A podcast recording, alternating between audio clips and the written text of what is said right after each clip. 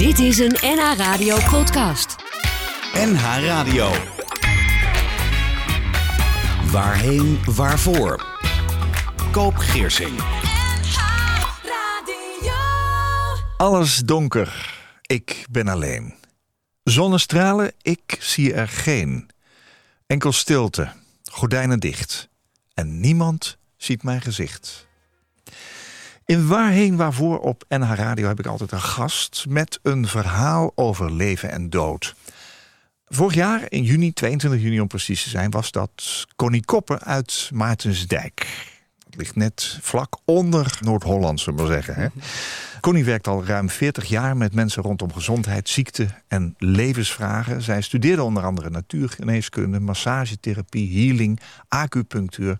En Connie legt zich nu toe op het schrijven van boeken. En je was toen bezig met een nieuw boek. We hadden afgesproken dat als dat af is, zij weer een keertje langs zou komen in Waarheen Waarvoor. Het moment is vandaag. Dag Connie. Welkom. Hallo. Ja.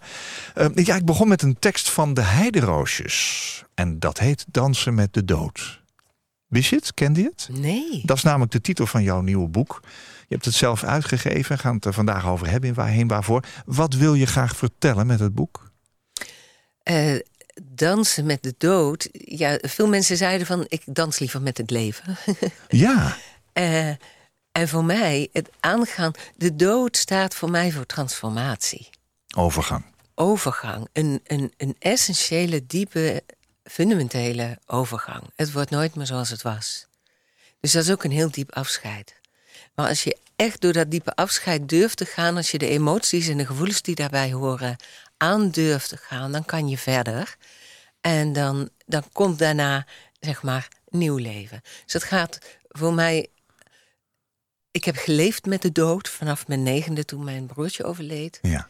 Maar ik heb ook heel veel mensen begeleid door die fases van, nou ja, en rouw en verlies. Maar niet alleen om een, een gestorven, maar ook omdat wat je, uh, wat je niet meer terugkrijgt als je bijvoorbeeld uh, een amputatie hebt. Of als je uh, erg ziek bent, of je verliest je baan of je relatie. Of, dat is ook rouw en verlies.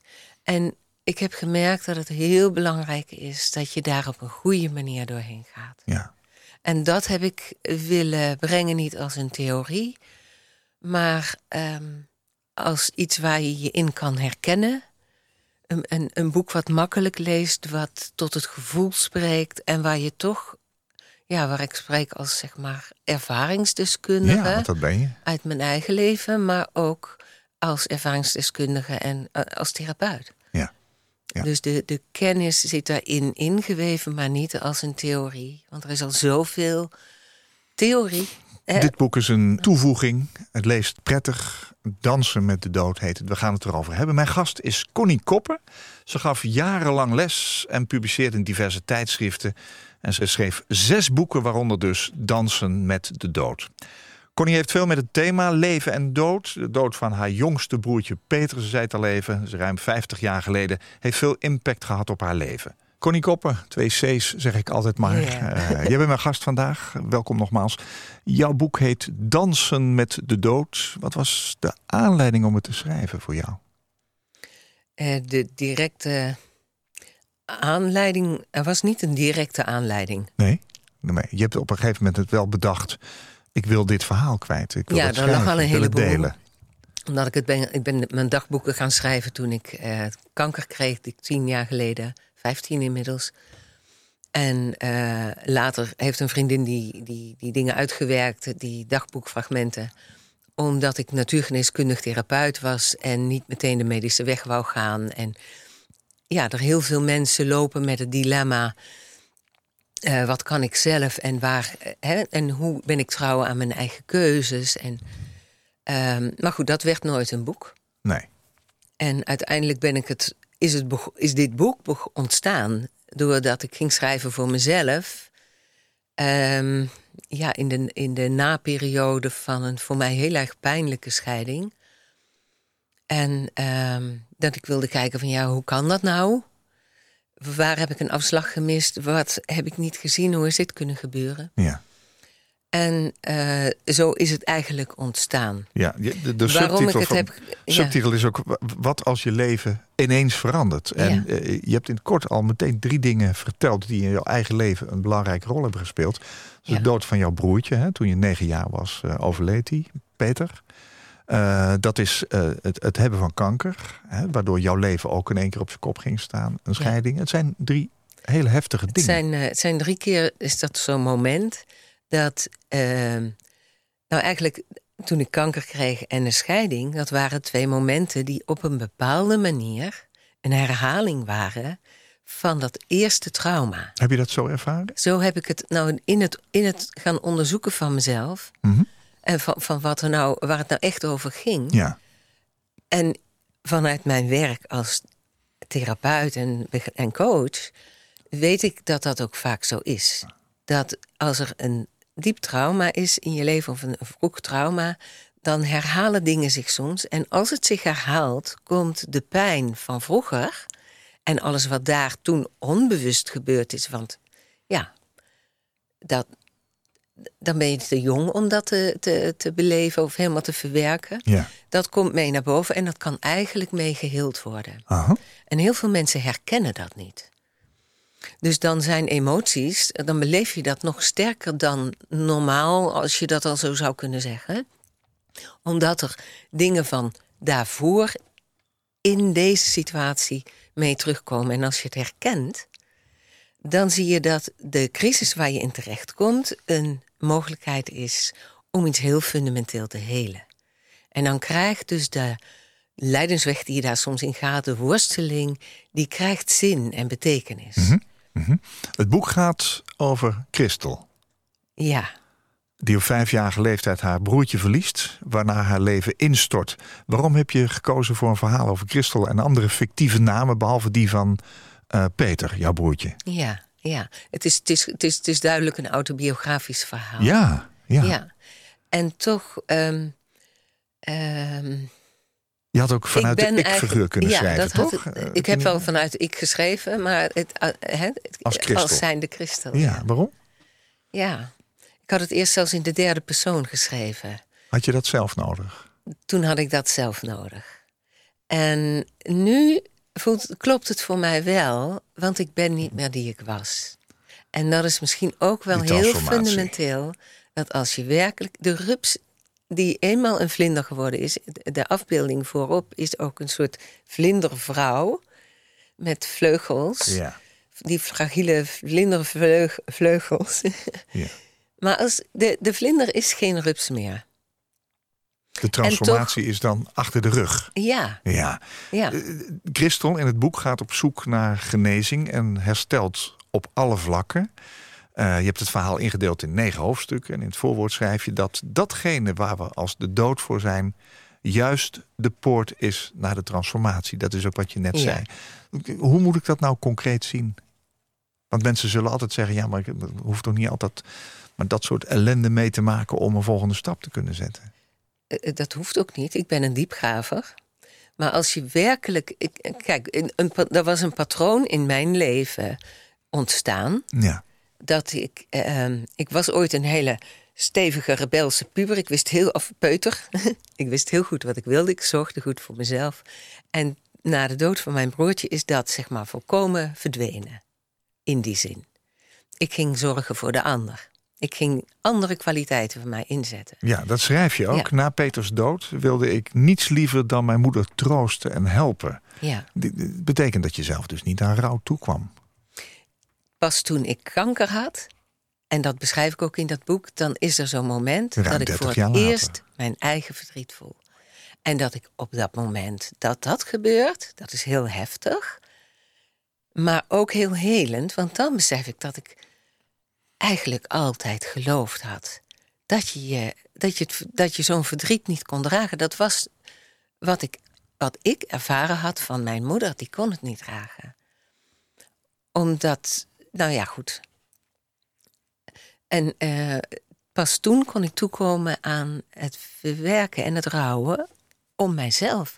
Toen pas besefte ik ook, wat denk ik met heel veel kinderen gebeurt, dat als er zo'n drama gebeurt, dan hebben je ouders haar handen vol aan zichzelf. Ja. Ruim, ruim 35 jaar later dus. Ja, en terwijl ik heel veel bewustwordingswerk gedaan had, psychologisch werk, eh, vanuit mijn scholing als therapeut. Ja. En heel veel dingen wist ik wel. Maar dat is ook een van de redenen waarom ik het in een verhaal geschreven heb en niet als weer een theorieboek. Ik wist het wel. Ja. Maar het voelen is noodzakelijk om werkelijk iets fundamenteel te veranderen. Hoofd en hart, wat dat betreft. Hoofd en hart en handelen. Is die, is die houding van als het met jou maar goed gaat, ik red me wel iets wat vaker voorkomt eh, in jouw praktijk eh, na Heel verlies? Heel veel. Is, de, is, de- is Niet dat een valkuil? specifiek na verlies, ook als, nou ja, na verlies van bedding zou je kunnen zeggen. Dus ook als er, eh, het kan ook zijn dat in een gezin eh, een echtscheiding plaatsvindt. Of dat er een, eh, de- een van de partners een baan verliest, Ja. maar daarmee ook zijn, zijn gevoel verlies. van waarde of bestaansrecht. En dan verandert de hele sfeer in huis. Ja. Dus ehm, dan is de veilige, harmonieuze bedding die er voorheen was, is weg.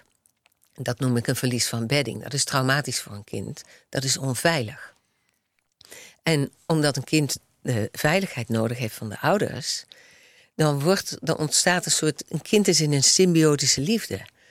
Ehm, dat als het met papa of mama niet goed gaat, dan, dan, kan, gaat het, dan is het onveilig voor mij. Ja. Want ik ben afhankelijk van hun. Dus jij ging je moeder helpen. Maar dus dat doen heel veel kinderen. In wat voor situaties dan ook. Als, eh, de veilige, als, als een van de ouders of beide ouders of zij het met elkaar moeilijk hebben, Ja. dan gaat er altijd wel. Er zijn kinderen die worden rebels. Maar er zijn ook kinderen, juist de kinderen die gevoelig zijn, die een groot inlevingsvermogen hebben of die een bepaalde wijsheid bij zich dragen, eh, of, of een grote liefde. Dat zijn de kinderen die nemen die plek in om de hulpverlener te worden. Veel hulpverleners hebben iets dergelijks meegemaakt. Ja. Ja. ja. Je hebt er last van gehad, heel lang. Ik dacht eerst van niet. Ik heb een hele fijne, goede jeugd gehad in mijn beleving. Pas toen ik kanker kreeg, zag, toen moest ik gaan kijken op iets waar echt de blinde vlekken zaten. Omdat het zo vroeg gebeurde en een patroon van aardig en hulpvaardig zijn levert ook heel veel op, levert heel veel liefde op. Mensen zien je graag, veel vrienden. eh, je voelt je welkom, het geeft een bepaalde waarde. Eh, dus dat wat, ik, wat, wat daar ongezond in was, dat zag ik niet meteen. Nee. En dat is ook iets wat vaak voorkomt. Ja, ja. Ja. Dansen met de dood, zo heet jouw boek. We gaan er zo verder over praten. Ik heb jou net als ehm, ruim een jaar geleden gevraagd... neem nou eens drie liedjes mee. Drie liedjes waar je op je eigen uitvaart misschien wel eh, aandacht voor zou hebben. Vorig jaar waren dat eh, Tears in Heaven, eh, Eric Clapton... Return Again van Neshama Kalbach... En een eigen opname, Vaarwel. Hè? Jij zingt ook heel mooi. Ehm, en, en vandaag hebben we er drie nieuwe uitgekozen. Tenminste, heb jij gedaan. Ja. Was dat lastig? Moest je die andere weer echt eh, eh, wegzetten? Of? Eh, nou, vooral mijn eigen liedje. Want die dacht ik, ja, die, die, die wil ik sowieso. Maar nee, ik vond het ook een mooie opdracht. Ja. Ja. ja. Ja. Gaan we eerst luisteren naar Whitney Houston. Waarom is dat een belangrijk liedje voor je? Ehm, greatest love of all. De diepe onderliggende boodschap en de grote levenswinst voor mij. Om werkelijk door die transformaties te gaan en alles wat er. Ja, om, om, om werkelijk te kijken naar wat er dan niet klopt of niet in balans is. Om, om echt de waarheid te willen weten van mezelf. Iets vrij te maken. De grootste levenswinst is dat ik mezelf heb leren liefhebben. Dus dat, ik, ik noem ik heb de liefde in balans gebracht. Dat was een grote liefde en die is er nog altijd. Naar anderen en naar het leven. En, maar dat die in balans gekomen is naar mij, ja, dat is een enorme levenswinst. Whitney Houston.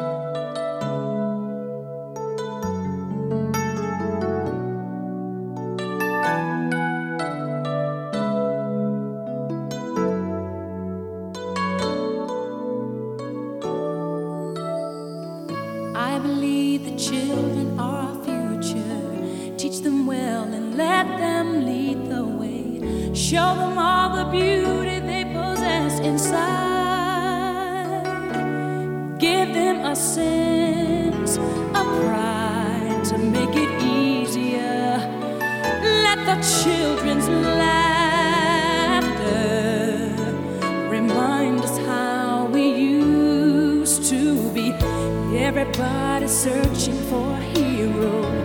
People need someone to look up to. I never found anyone who fulfilled my need.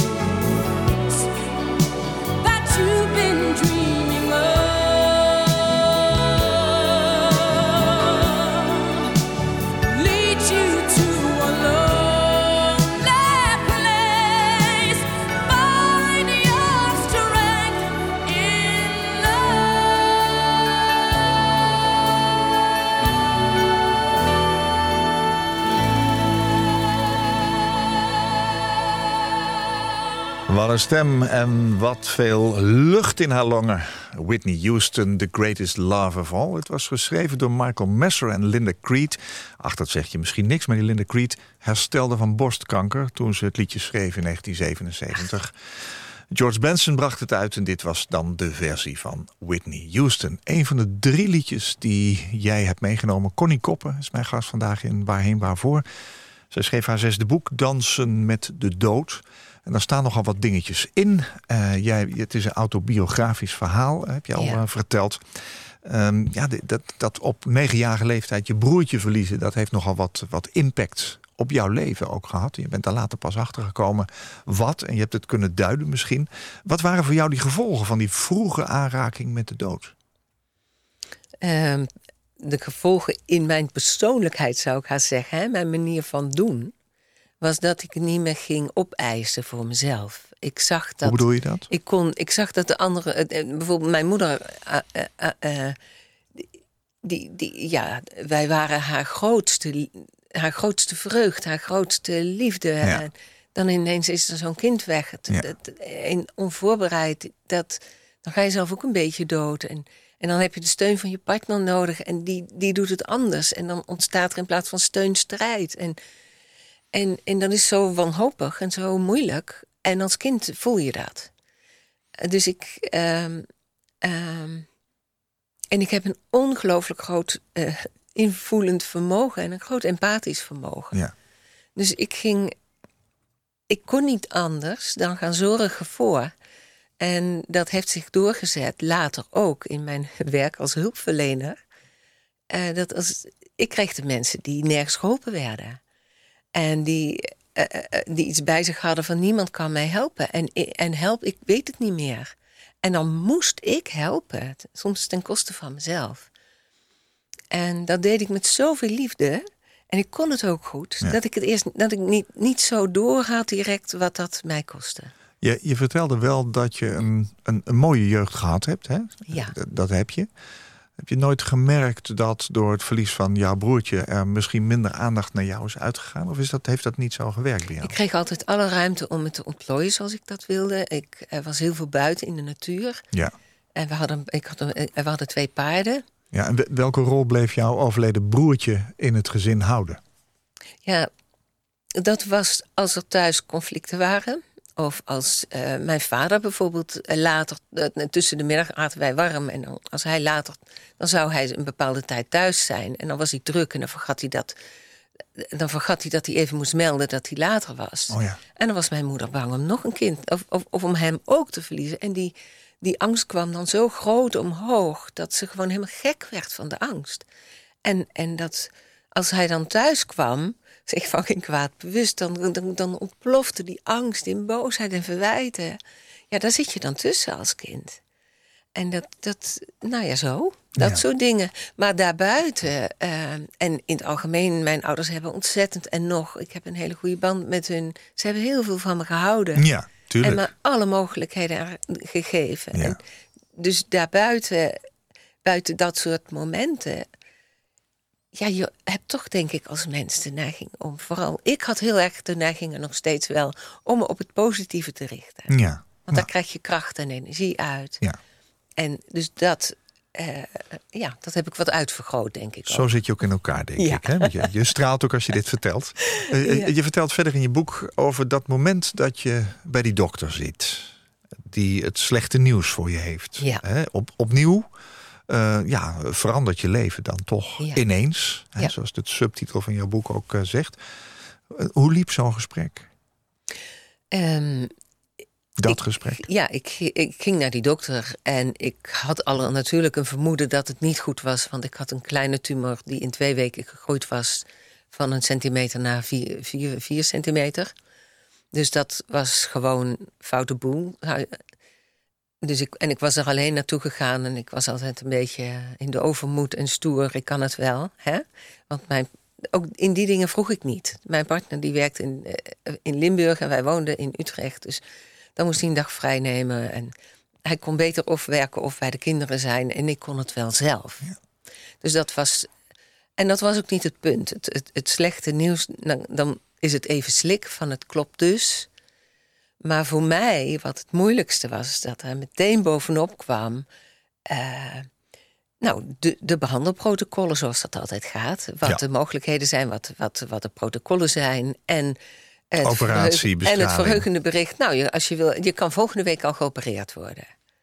En dat was voor mij een, een gevoel van, nou, eh, wacht, eh, maar wie zegt dat ik geopereerd wil worden? Ja. ik, ik heb gewoon eh, mijn hele leven met natuurlijke genezing gewerkt. Ik was 18, toen ging ik al naar congressen over eh, complementaire zorg voor kanker. eh. ik had daar heel veel in meegemaakt wat daarin mogelijk is. Ik zou mezelf verraden of zo. Dat kon niet. Nee. Ik kon dat niet. Maar ik wilde natuurlijk ook geen tweede Sylvia Millekam of weet ik wat ehm, worden. Ik, dus dat dilemma en de vanzelfsprekendheid waarmee er van uitgegaan wordt, dat je eigenlijk dan blij moet zijn dat je over een week al geopereerd kon worden. Dus toen ik dat ventileerde naar mijn ouders, die kort daarna belden, eh, ja, die schrokken natuurlijk. Die zeiden van, ja, mijn kind, je laat je toch wel behandelen. Ja. En je gaat toch geen domme dingen doen? En nou ja, we hebben dat, dat beschrijf ik ook in, in het boek. Hoe, hoe ik aanvankelijk de klap omzet in karatekracht. En Ja. hoe dat ja, die kracht eigenlijk weer ondermijnt. De Ja. angst van Ja. de ander. Bij de dokter is jouw eerste eh, opmerking als hij het slechte nieuws vertelt van nou, dat had ik eigenlijk wel verwacht. Mhm. Je beschrijft dat ook als eh, ik stoer. En, eh. Maar daarna gaat het veel te snel. Ehm, Er volgen toch kuren. Je beschrijft die herstelperiode. Hè? En hoofdstuk 8 in jouw boek is dan die transformatie, waar je het ook al even over gehad hebt. De rups die een vlinder wordt. Je hebt het al verteld. Dat eh, gedicht. wat, wat vertel je eigenlijk daarmee? Het inzicht, hoe ik me vol verrat aan kennis. Om maar iedereen te kunnen helpen. Mhm. om maar het lijden uit de wereld te kunnen helpen. Het inzicht dat dat nooit genoeg zou zijn. Het inzicht waar dingen ongezond zijn voor mijzelf. Ja, de transformatie is eerst het inzicht.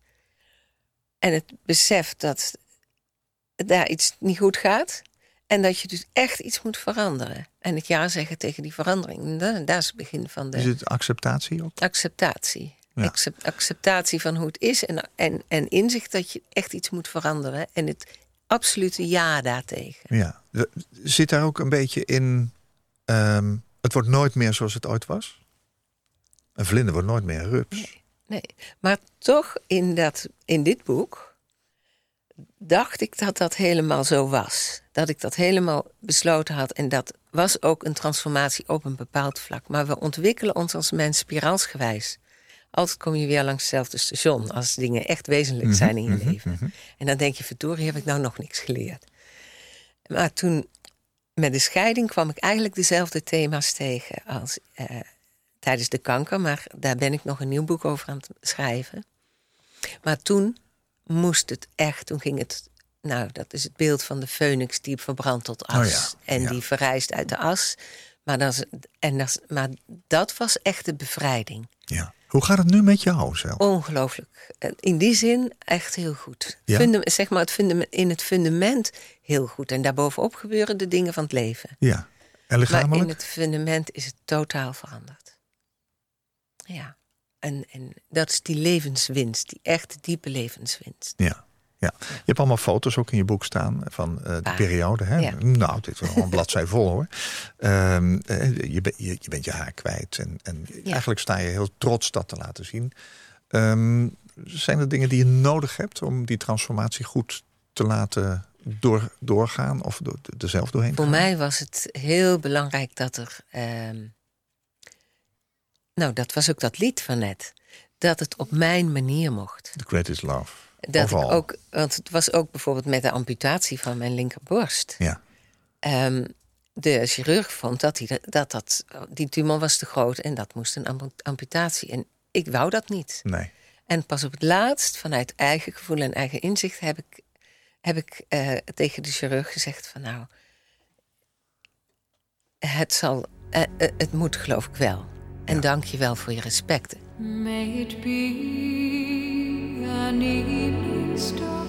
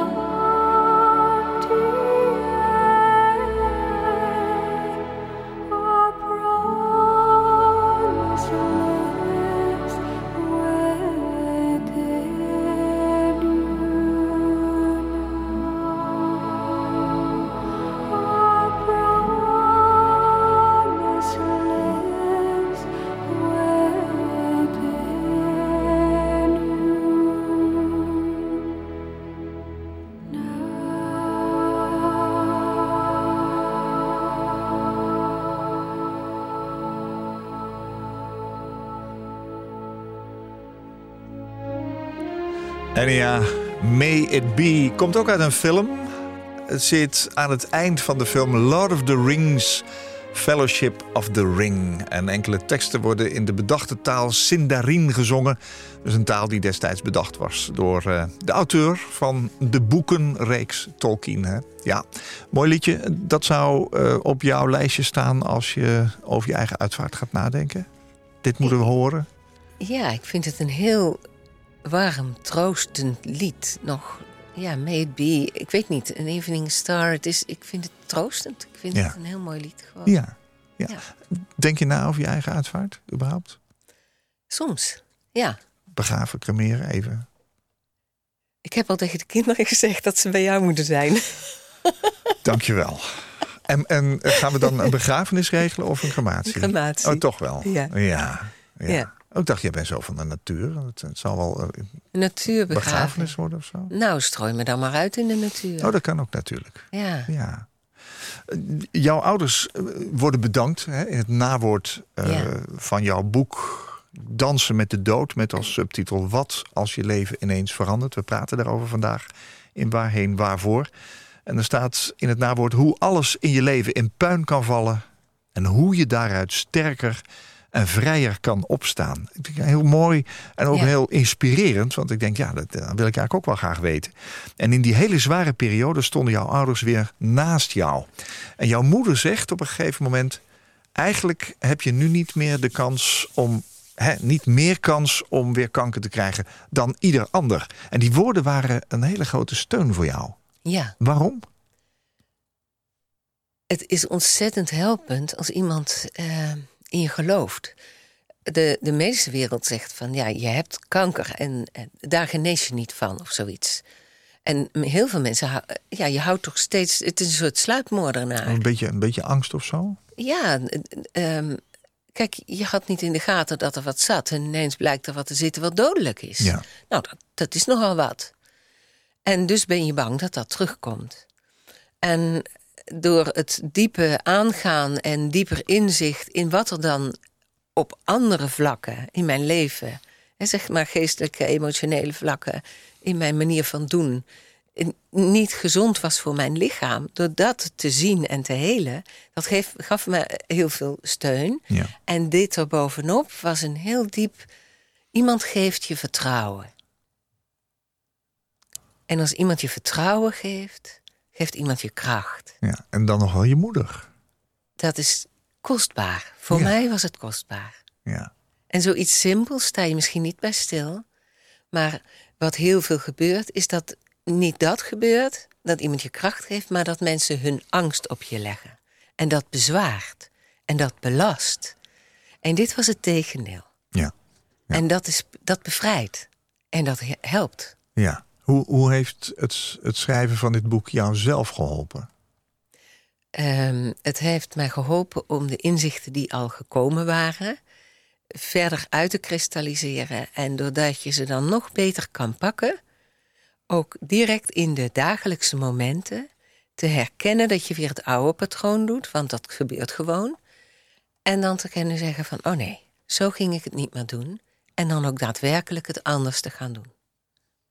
En soms is het ook nodig dat je daar echt genoeg pijn voor gehad hebt, zeg maar. Ja. Want iets anders gaan doen, zeker als het gaat over iets eisen van een ander of beter voor jezelf opkomen, ja, vindt de buitenwereld niet altijd leuk. Nee, nee, maar je, je schrijft ook soms is een ziekte of een stevige crisis de noodzakelijke schop onder de kont.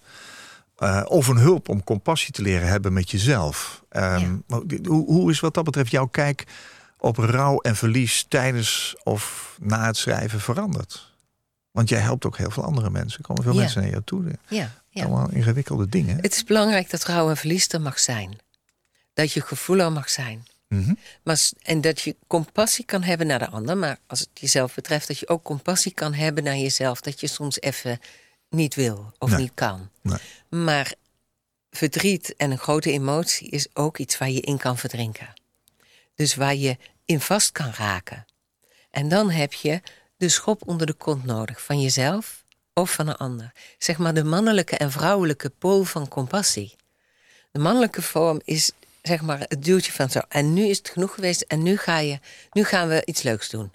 Is dat nu mannelijk? gaan we, Ja? dat, dat, is de, dat, is, dat, is, dat is de actie. Nou wat gaan doen. De vrouwelijke is meer de, de bedding, de, de, de, het, het, het niet oordelend zijn met wat er is, als een baarmoeder. Het, het, het, dat wat kwetsbaar is, wordt omhuld. Er is voeding, er is bescherming, er is liefde, er is tijdloosheid. Ja. Het mag zijn, want als het kan zijn, dan kan je, kan je werkelijk op gevoelsniveau verwerken. Dat is wat anders dan iets een plekje geven. Ja.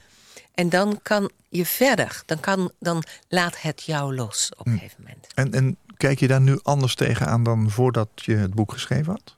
Ik keek er tegenaan vanuit veel kennis. Oh ja. En het mededogen. En naar de ander en naar mezelf. En daarmee, dus ik, dan als, als een, ik kan langer en dieper kijken naar de ander. Als iemand bij me is. En dan weet mijn hart waar dat er ruimte nodig is. Of mijn hart weet dat er even dit of dat nodig is. Dat is niet meer mijn hoofd. Dat is je hart, ja. Dat- en dat, dat is dan ook meteen voelbaar voor de ander, of ik de ander aanraak of niet. Ja. ja. Hoe heb jij ehm, zelf de balans gevonden tussen die schop onder de kont en, en compassie? Ja, dat is dus iets wat groeit. Ook in jezelf. Is dat een kwestie Want van ik kon eerder veel worden harder zijn naar mezelf. dichterbij? Vanuit kennis ben je harder naar jezelf. Want dan vind je, omdat je weet hoe je het moet doen, Oh ja. vind, je hoe je, vind je dat je dit of dat of dat moet Oh ja, doen. En vervolgens kom je tegen dat het niet lukt. Nee. En dan ga je jezelf verwijten. Dat nou, als je jezelf gaat gaat. verwijten, ga je eigenlijk jezelf beschuldigen. Ja. schuld vraagt om straf. Je, je doet jezelf pijn, je kwelt jezelf. Dat is niet helend. En dat is niet wat je nodig hebt in een periode van rouw of herstel. Dus die factor compassie, die is onwijs belangrijk. Maar steeds als je iets, die kennis die vindt er wat van. Het hoofd, de ratio, heeft die warmte niet die het hart heeft. Nee, maar kun je dat nu zelf? Kun je tegen jezelf, kun je, kun je compassie? Ja. Oh, ik kan, ik kan hele domme dingen doen en ik kan om mezelf glimlachen. Ja. Of ik kan voor de zoveelste keer de fout ingaan. En ik kan mezelf bij wijze van spreken een ei over de bol geven. En de volgende keer ga ik het gewoon opnieuw proberen. En zeg maar, dat is de schop onder de kont. Ik blijf, ik blijf wel gaan. Ja. Ja. Mooi, dat heeft je dus ook geholpen naar waar je nu staat. Absoluut. En nu kun je het En volgende ik boek zie dat bij anderen ook. Ja. Het is een, het is een wetmatigheid. Ja. Dat als je het aandurft te gaan met de moeilijke dingen. Als je durft te dansen met de dood. Aandurft te gaan met de moeilijke dingen in jezelf. Daar word je een warmer, rijker mens van. Snap ik. Snap Ja. ik. Als derde liedje eh, dat jij meegenomen hebt, zei je van nou draai nog een keer eh Vaarwel, wat ik zelf gezongen heb. Ik zei ja, maar dat hebben we vorig jaar al gedaan. Ja. Dan het, laten we iets anders draaien. Toen, toen kwam je op een nou, redelijk klassiek stuk. Bach Gounod, Ave Maria. Waarom? Katholiek? Katholiek. Ehm, zij die weet heeft van alle lijden. Zij die draagt het vrouwelijk aangezicht van God. Ehm, mijn, uiteindelijk, mijn hele leven en werk gaat steeds meer over die vrouwelijke pool. Het durven zijn met wat er is. Het omarmen daarvan. Het, eh, nou, de echte heling zit in dat. Zij wordt ook wel Mater Dolores genoemd. Hè? Oké. Dus ja, meer dan wie ook heeft leren dansen met de dood en helpt ons. Ave Maria, dansen met de dood. wees gegroet. Ja.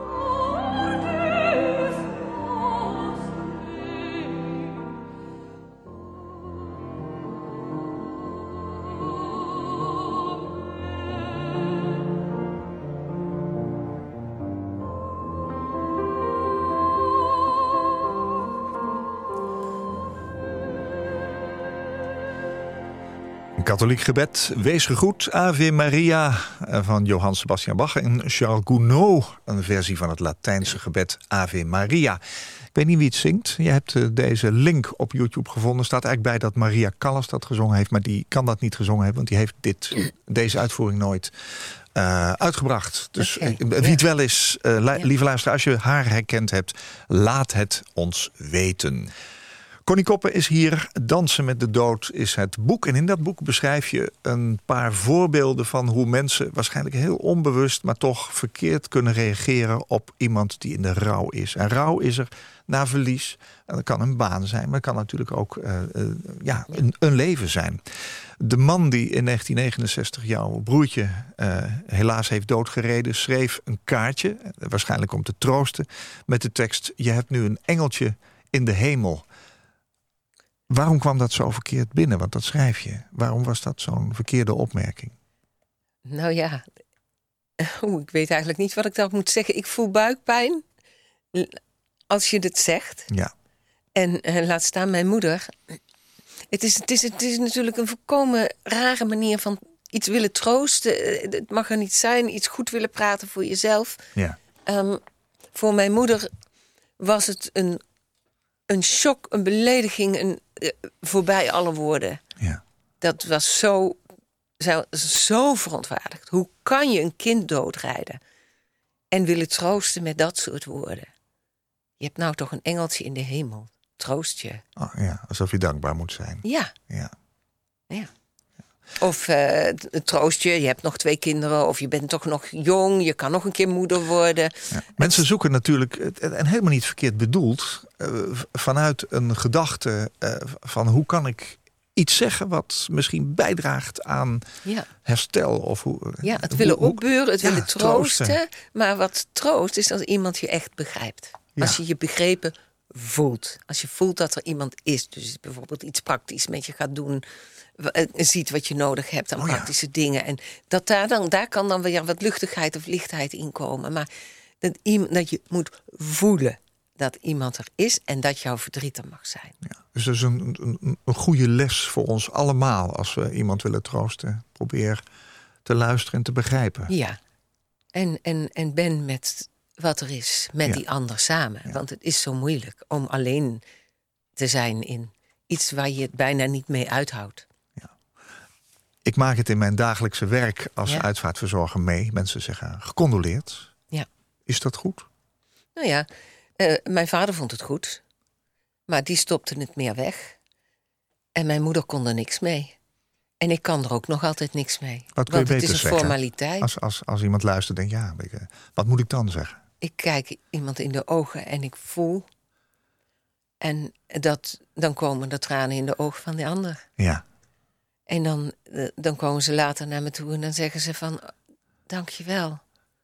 Weet je, is niet zoveel woorden. nee, En vooral niet willen sussen. nee. Ja. Hoe goed bedoeld ook. Ja. Ja. Connie Kopper was vandaag mijn gast in Waarheen Waarvoor. Ze werkt met mensen rondom gezondheid, ziekte, levensvragen. Studeerde onder andere natuurgeneeskunde, massagetherapie, healing, acupunctuur. Gaf jarenlang les, publiceerde in diverse tijdschriften. En Connie schreef zes boeken, waaronder dus Dansen met de Dood. Wat als je leven ineens verandert? Dat is uitgegeven door jouzelf. www.conniekoppen.nl met twee C's. En een Griekse ei. En de Griekse ei, ja, wel ja. Natuurlijk, ja. IE kan ook nog, hè. Dankjewel, Connie. Ik hoop Ja. dat iedereen die in een onzekere tijd de weg zoekt en het leest, richting krijgt. Fijn dat je er was. Dank je wel. Je bent alweer met een nieuw boek bezig, hè? Ik ben met het soort van een vervolg bezig, ja. Nou, we gaan maar eens Meer kijken. het eh, beeld van de phoenix in plaats van de vlinder. Ja, ja, ja. De- eh, ja, Het wordt echt een deel 2 wat dat betreft. ja, Ja. ja. Dat is het idee. Ik hoop dat het afkomt, dat het lukt. Je weet het nooit met een boek. Goeie reis terug naar Maartensdijk. Dank je wel. Ja, dankjewel. Koop Geersing. Als jij een keer te gast wilt zijn in Waarheen Waarvoor... om te vertellen over jouw levensreis, laat me dat dan weten... via waarheenwaarvoor.nhradio.nl waarheenwaarvoor.nhradio.nl Dit was een NH Radio podcast. Voor meer, ga naar nhradio.nl.